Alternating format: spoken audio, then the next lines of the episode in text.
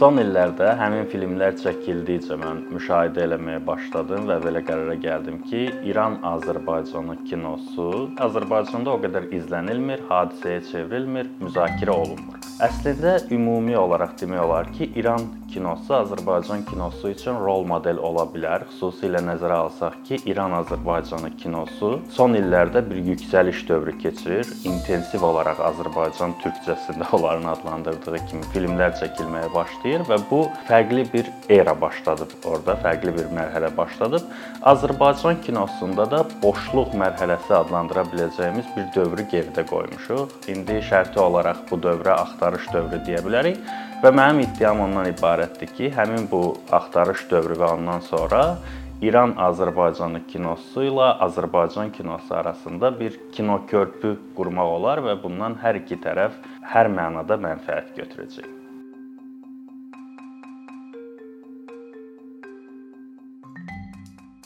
Amma bunun qarşısında böyük bir əngəl var. Buna da şərti olaraq Araz düyünü deyə bilərik. Gülüstan və Türkmənçay müqaviləsinin hər iki tərəfdə fərqli interpretasiyası, təfsiri böyük bir problem yaradır və bu mədəni sahədə də özünü göstərir. Ölkələr bir-birlərini bir-birləri ilə münasibətdə daha həssas yanaşma nümayiş elətdirirlər. Məsələn, nümunə kimi deyə bilərəm, Ərdoğanın hərbi paradda Arazla bağlı dediyi bir şeir böyük bir diplomatik əslində kriz yaratdı İranda və sərt reaksiyalar oldu. 2012-ci ildə də iki azərbaycanlı şair Azərbaycan xeyrinə casusluq eləmə ittihamı ilə Təbrizdə saxlanılmışdı. Və bütün bunlar bu mədəni əlaqələrin qarşısında bir baryer yaradır. Əlbəttə bütün baryerləri İran yaratmır. Eyni şəkildə Azərbaycanda da Azərbaycan da isti yanaşmır İran rejissorlarının deyək ki, bura gəlişinə, İranın İran mədəniyyətinin Azərbaycanda müəyyən qədər populyarlaşmasına. Belə belə deyək, hər iki ölkənin fərqli qorxuları var. Azərbaycanda din qorxusu, e, İranda isə dil dil qorxusu və bu qorxu mədəni əlaqələrin, həmin o kövrək mədəni əlaqələrin tez qırılmasına və irəliləməsinə imkan vermir. Son illərdə İranda həm də Azərbaycan dilində, Azərbaycan türkcəsində təhsillə bağlı da böyük yumşalmalar var və hətta e, belə deyək, eksperimental təhsil başlayıb orada bu illərdə və 2018-ci ildə İranın Mədəniyyət və İslam İrşad naziri Salehi bildirmişdi ki, Azərbaycan türkcəsində kitab yazmaq və film çəkmək, hətta tamaşalar qoymaq istəyən adamların müraciətlərinə sözsüz müsbət cavab veriləcək. Bəzi sosioloqlar bunu İranda dini e, dini çətrin dağılması ilə izah eləyir. Artıq milli kimlik inşasında fərqli məsələlər. Bu mövzulara girmək istəməzdim, amma istənilən halda belə bir proses var və 2018-də bu açıqlama böyük bir e, təkan verib Azərbaycan türkcəsində filmlərin çəkilməsinə, digər tə təəssüf ki, incə sənət növləri ilə e, o qədər də yaxından tanış deyiləm. Orda hansı proseslər baş verir onu bilmirəm, amma çoxlu yeni filmlər çəkilir və çoxlu yeni rejissorlar səhnəyə çıxır. Məsələn, 5-6 rejissor var ki, onlar artıq Azərbaycan türkcəsində İranda filmlər çəkir və festivallarda iştirak eləyirlər. 2020-ci ilin Fəcr film festivalında, bu İranın nüfuzlu film festivalıdır.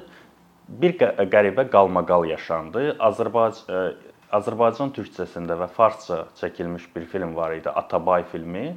Həmin filmin təqdimat mərasimində jurnalist heyətə belə bir sual ünvanladı ki, İran konstitusiyasına görə farsçanın rəsmi olduğu bir ölkədə niyə insanlar İranda subtitrla film izləməlidir? Yəni Azərbaycan türkcəsində olan filmin hissələri orada subtitr istifadə olunmuşdu və heyətdən ssenarist həmin jurnalistin cavabın, daha doğrusu sualını faşist düşüncə adlandırmışdı. Bu İranın rəsmi xəbər agentliklərində də tirajlandı, İranda böyük müzakirə olundu və bu qalmaqal əslində heyətin xeyrinə daha çox yozuldu, şərh edildi. Yəni İranda böyük əksəriyyət hansı ki ciddi nüfuz sahibidir, onlar jurnalistə yox, məhz heyətə haqq verdilər. Yəni bu filmi ərsəyə gətirən ssenaristə və digərlərinə, rejissora. Və bu e, həmin o zərif Azərbaycan türkcəsi kinosunun inkişafına əslində həm də böyük bir təkan verdi bu qalmaqal. Biraz təzadlı görünsə də. Əslində isə İranda Azərbaycan türkcəsində filmlər heç də yeni bir mövzu deyil. 1981-də Vüsal günləri filmi filmi ilk Azərbaycan türkcəsində film olub İranda və ondan sonra da mütəmadi olaraq filmlər çəkilir və bəzi rejissorlar da yetişib. Onlardan biri də Rıza Siyamidir.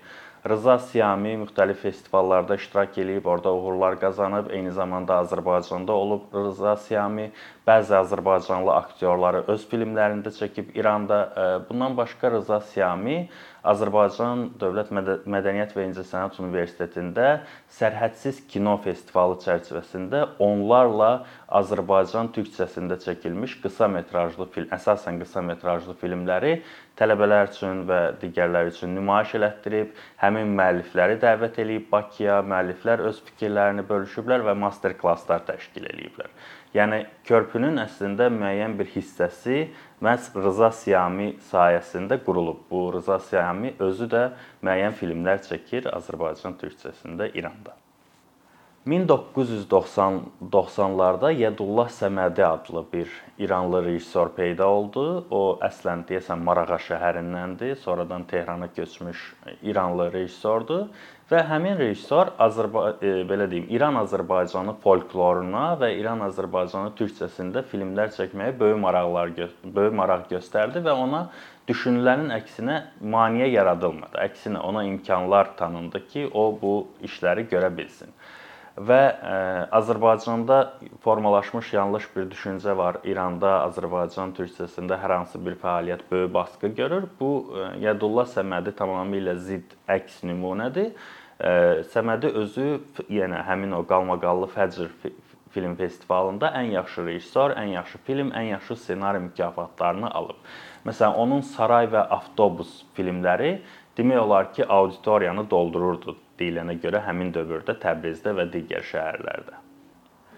İran-Azərbaycanı kinosu deyəndə şübhəsiz ki, ya da əslində İran kinosu deyəndə də yada düşən ən vacib adlardan biri də hazırda Cəfər Pənahidir. Cəfər Pənahi də əslən İranın Azərbaycan adlanan ərazisindəndir və o müxtəlif filmlərində bəzi epizodik e, olaraq bunu buna vurğu eləyirdi, buna fokus eləyirdi, amma 3 üz filmi demək olar ki, İran-Azərbaycan ərazisində çəkildi və onun böyük hissəsi Azərbaycan türkcəsindədir və orada dillə bağlı da müəyyən vurğu var.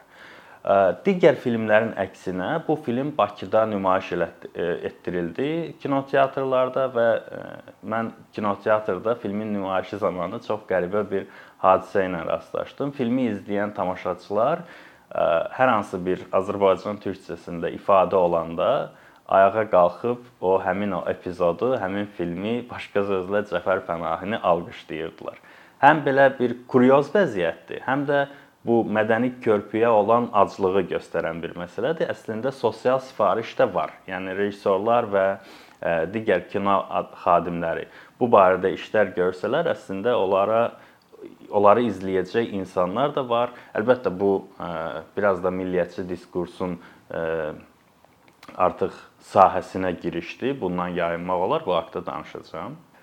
İranda Azərbaycan türkcəsində filmlər çəkən və e, müstəqil Azərbaycanda, Azərbaycan Respublikasında da daha çox tanınan rejissorlardan biri Leyla Novruzidir. Leyla Novruzi Mən İsmətəm filmi ilə Azərbaycana, Bakıya ayaq açdı və ondan sonra hətta ona film festivalında münsif kimi iştirak eləmək təklifi də edildi. Səhv eləmirəmsə onu qəbul etdi və burada film festivalında da iştirak elədi müxtəlif festivallarda iştirak eləyir, müxtəlif tədbirlərdə ə, e, çıxışlar eləyir. Leyla Novruzi kifayət qədər də populyardır kino icması arasında. Onun Mən İsmətəm filmi gəlmişdi Azərbaycana. Əslində film ə, e, təəssüf ki, e, o həmin o marağı yaratmadı, gözlənilən effekti vermədi və hadisə olmadı.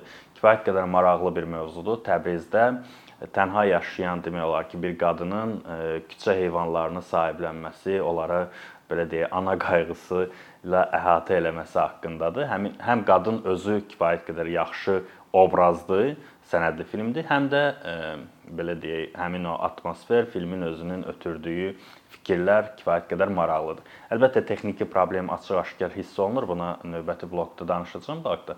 E, amma belə deyim, məzmun baxımından film kifayət qədər yaxşıdır, amma dediyim kimi gözlənilən effekti vermədi. E, məhdud kino icmasından kənara çıxmadı. Danışılmadı, izlənmədi. Digər bir İranlı rejissor, o da Azərbaycan türkcəsində filmlər çəkir, İsmail Münsifdir. Onun Kömür adlı filmi Azərbaycana gəlib çıxmadı.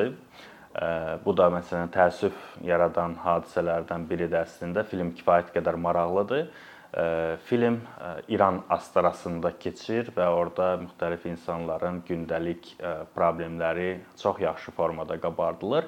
Həmin filmi TRT almışdı yayım hüququnu və hətta yayımlamışdı və mən rejissorun bir neçə ay bundan əvvəlki müsahibəsində də rastıma çıxdı. O da həm giley güzar şəklində, həm də belə arzu şəklində ifadə eləyir eləyirdi ki, istəyərdi onun filmləri Azərbaycanda da alınsın, nümayiş etdirilsin. Texniki cəhətdən bu film daha yaxşıdır, amma təəssüf ki, dediyim kimi Azərbaycanda kömür filmi haqqında danışılmadı. Bu da bir ictimai müzakirə açmadı. Və rejissor həmin müsahibəsində İranda fəaliyyət göstərən belə deyim, İran Azərbaycanlısı rejissorlarının rastlaşdığı bəzi problemlər haqqında danışır. Əsas problem onun dediyinə görə ondan ibarətdir ki, yerli əhali həmin filmlərə getmir yerli əhali belə deyək, o nəzərdə tutur Azərba həmin İran azərbaycanlılarını, hansı ki, həmin dildə danışırlar, öz dillərində olan filmləri izləmirlər və bu sponsor tapmaq məsələsini müşkilə çevirir. Çünki çevirir çünki insanlar filmi satmağa satacaqları satacaqlarından əmin deyillər. Ona görə həmin filmə sponsorluq eləmək niyyətində deyillər. Bildiyimiz yəni kapitalist sistemin problemləri eyni ilə İranda da bu özünü göstərir. İsmail Münsifin müsahibəsində bir başqa məqam da var idi. O da həmin İran, İranda Azərbaycan türkcəsində film çəkmək çəkməyin çətinliklərindən danışanda demişdi ki, rəsmi olaraq bir qadağa yoxdur. Sadəcə olaraq bu tip əngəllər çıxır. Pul tapa bilmirik, texnika tapa bilmirik və yaxud da heyət qura bilmirik və s. və axır yeri gəlmişkən Leyla Novruzu özü də vaxtaşırı bunu ifadə eləyir ki, film çəkmək üçün hər hansı bir rəsmi maneələr yoxdur, amma problem sadəcə olaraq maliyyədə və onun çatışmazlığında, onun çatışmazlığındadır. Haqqında danışdığım bu kino körpü mənim ilk olaraq ağlıma gəlməyib, ideyası mənə aid deyil əlbəttə. Bundan əvvəl də Azərbaycan və İran İran Azərbaycan elə bütövlükdə İran arasında müəyyən mədəni əlaqələr var. Mən sadəcə bunun daha da inkişaf etdirilə biləcəyindən və bundan hər iki tərəfin qazana biləcəyindən yanayam və bu düşüncədəyəm. Məsələn, belə bir nümunə rastıma çıxdı. Nabat filmində Fatimə adlı İranlı aktrisa iştirak eləyir və Nabat filmi e, sən demə İran Azərbaycanında müstəqillik dövrü e, filmləri içində tanınan nadir filmlərdən biridir. Əslində bu yaxşı impulsdur ki, tərəflər nə qədər müştərək layihələr həyata keçirsələr, nə qədər belə deyə aktyor və yaxud da rejissor alış-verişi etsələr, nə qədər mövzu alış-verişi etsələr, bu ə, filmin daha çox populyarlaşmasına gətirib çıxaracaq. Bundan xüsusilə Azərbaycan qazanacaq sözsüz ki, çünki İran kinosunun Azərbaycan kinosunun İran kinosuna verəcəyi xüsusi bir şey yoxdur, amma İran kinosunun Azərbaycan kinosuna qatacağı çox şey var müəyyən cəhdlər eləyən insanlar var ki, İrandan e, istər ssenaristləri, rejissorları və digər kino adamlarını gətirsinlər, Bakıya master-klasslar və kurslar təşkil eləsinlər. Təəssüf ki, bu iki ölkə arasındakı münasibətlərin qeyri-müəyyənliyinə görə dalanı dirənir və e, müşkilə çevrilir. Amma Azərbaycan Mədəniyyət Nazirliyi 2018-ci ildə səhv eləmirəmsə, e, Məcid Məcidinin Məhəmməd Allahın elçisi filmini gətirdi. Bu İranın ən e, belə deyək böyük büdcəli filmi idi. Azərbaycanda nümayiş etdirildi. Məcid Məcidi öz, özü tədbirə qatıldı və maraqlı bir tədbir alınmışdı yeri gəlmişkən və bu tədbir də əslində İran və Azərbaycan arasında kövrək mədəni körpünün əlamətlərindən biridir. Hansı ki, bundan Azərbaycan tərəfi mütləq şəkildə qazanır və bunu davam elətdirmək də Azərbaycan elətdirmək də Azərbaycan tərəfindən elə çox şey tələb eləmir. Yəni indiki hətta indiki vəziyyətdə belə bu mədəni əlaqələri genişləndirmək mümkündür. Amma burada belə qəribə bir qorxu var. Məsələn, mən çox sadə formada izah eləyəcəm. Hansısa İran Azərbaycanlısı deyək ki, gəlir Azərbaycana, mətbuat konfransında iştirak eləyir və istər-istəməz ona sualları təxmin eləmək çətin deyil.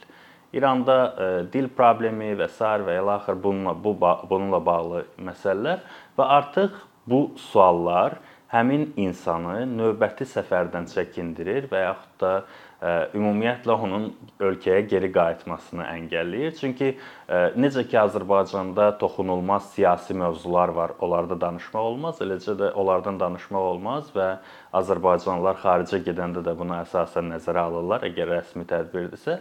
Eləcə də İranlılar üçün eyni dərəcədə bu keçərlidir. Üstəlik ictimai belə deyək, mühit mühit olaraq götürsək, bu irredentist yanaşmanı tərk etmədən bu mədəni körpüyə tam olaraq ə, onun inşasına tam olaraq nail ola bilmərik. Çünki biz ilk növbədə qəbul etməliyik ki, həmin rejissorlar İran vətəndaşlarıdır. Onlar İran Azərbaycanlıları olduğu qədər də İranlıdılar, özlərini İranlı kimi identifikasiya eləyirlər, filmlərini İran filmi kimi təqdim eləyirlər, özləri İran rejissor rejissorlardır və ə, onlardan hər hansı bir milliyyətçi davranış, hər hansı bir milliyyətçi ritorika, hər hansı bir inqilab, hər hansı bir dəyişiklik, hər hansı bir separatizm, separatist hərəkətlər gözləmək mənasızdır və bu çox əks effekt yaradır. Biz daha saf, daha hüquqi, daha normal baxışla İran Azərbaycanı ilə daha yaxşı münasibətlər qura biləcəyimiz halda millətçi yanaşma, həmin o ritorika bu körpünü hətta inşa edilməmiş belə dağıdır. Və mən düşünürəm ki, bunun üzərinə daha çox düşünmək olar, daha çox yazmaq olar, bəlkə daha çox təbliğat işi aparmaq olar və nəhayət hər iki tərəfdə çünki eyni dil danışılır, eyni problemlərdən demək olar ki, əziyyət çəkir insanlar, eyni mədəni köklərə sahibdir və bu əlaqələri qurmaq hər iki tərəfə ancaq fayda verər. Əkinçinin yeni videoları haqqında məlumatlı olmaq üçün kanalımıza abunə olmağı və xəbərdarlıq funksiyasını aktivləşdirməyi unutmayın. İmkandan istifadə edərək cari patronlarımıza işlərimizi davam etməyə yardım olduqları üçün dərin təşəkkürümüzü bildiririk. Əkinçinin Patreon icmasının üzvü olaraq siz bizim təşəbbüsə dəstək göstərməklə bərabər hazırladığımız materialları hər kəsdən öncə izləmə imkanı əldə edəcəksiniz.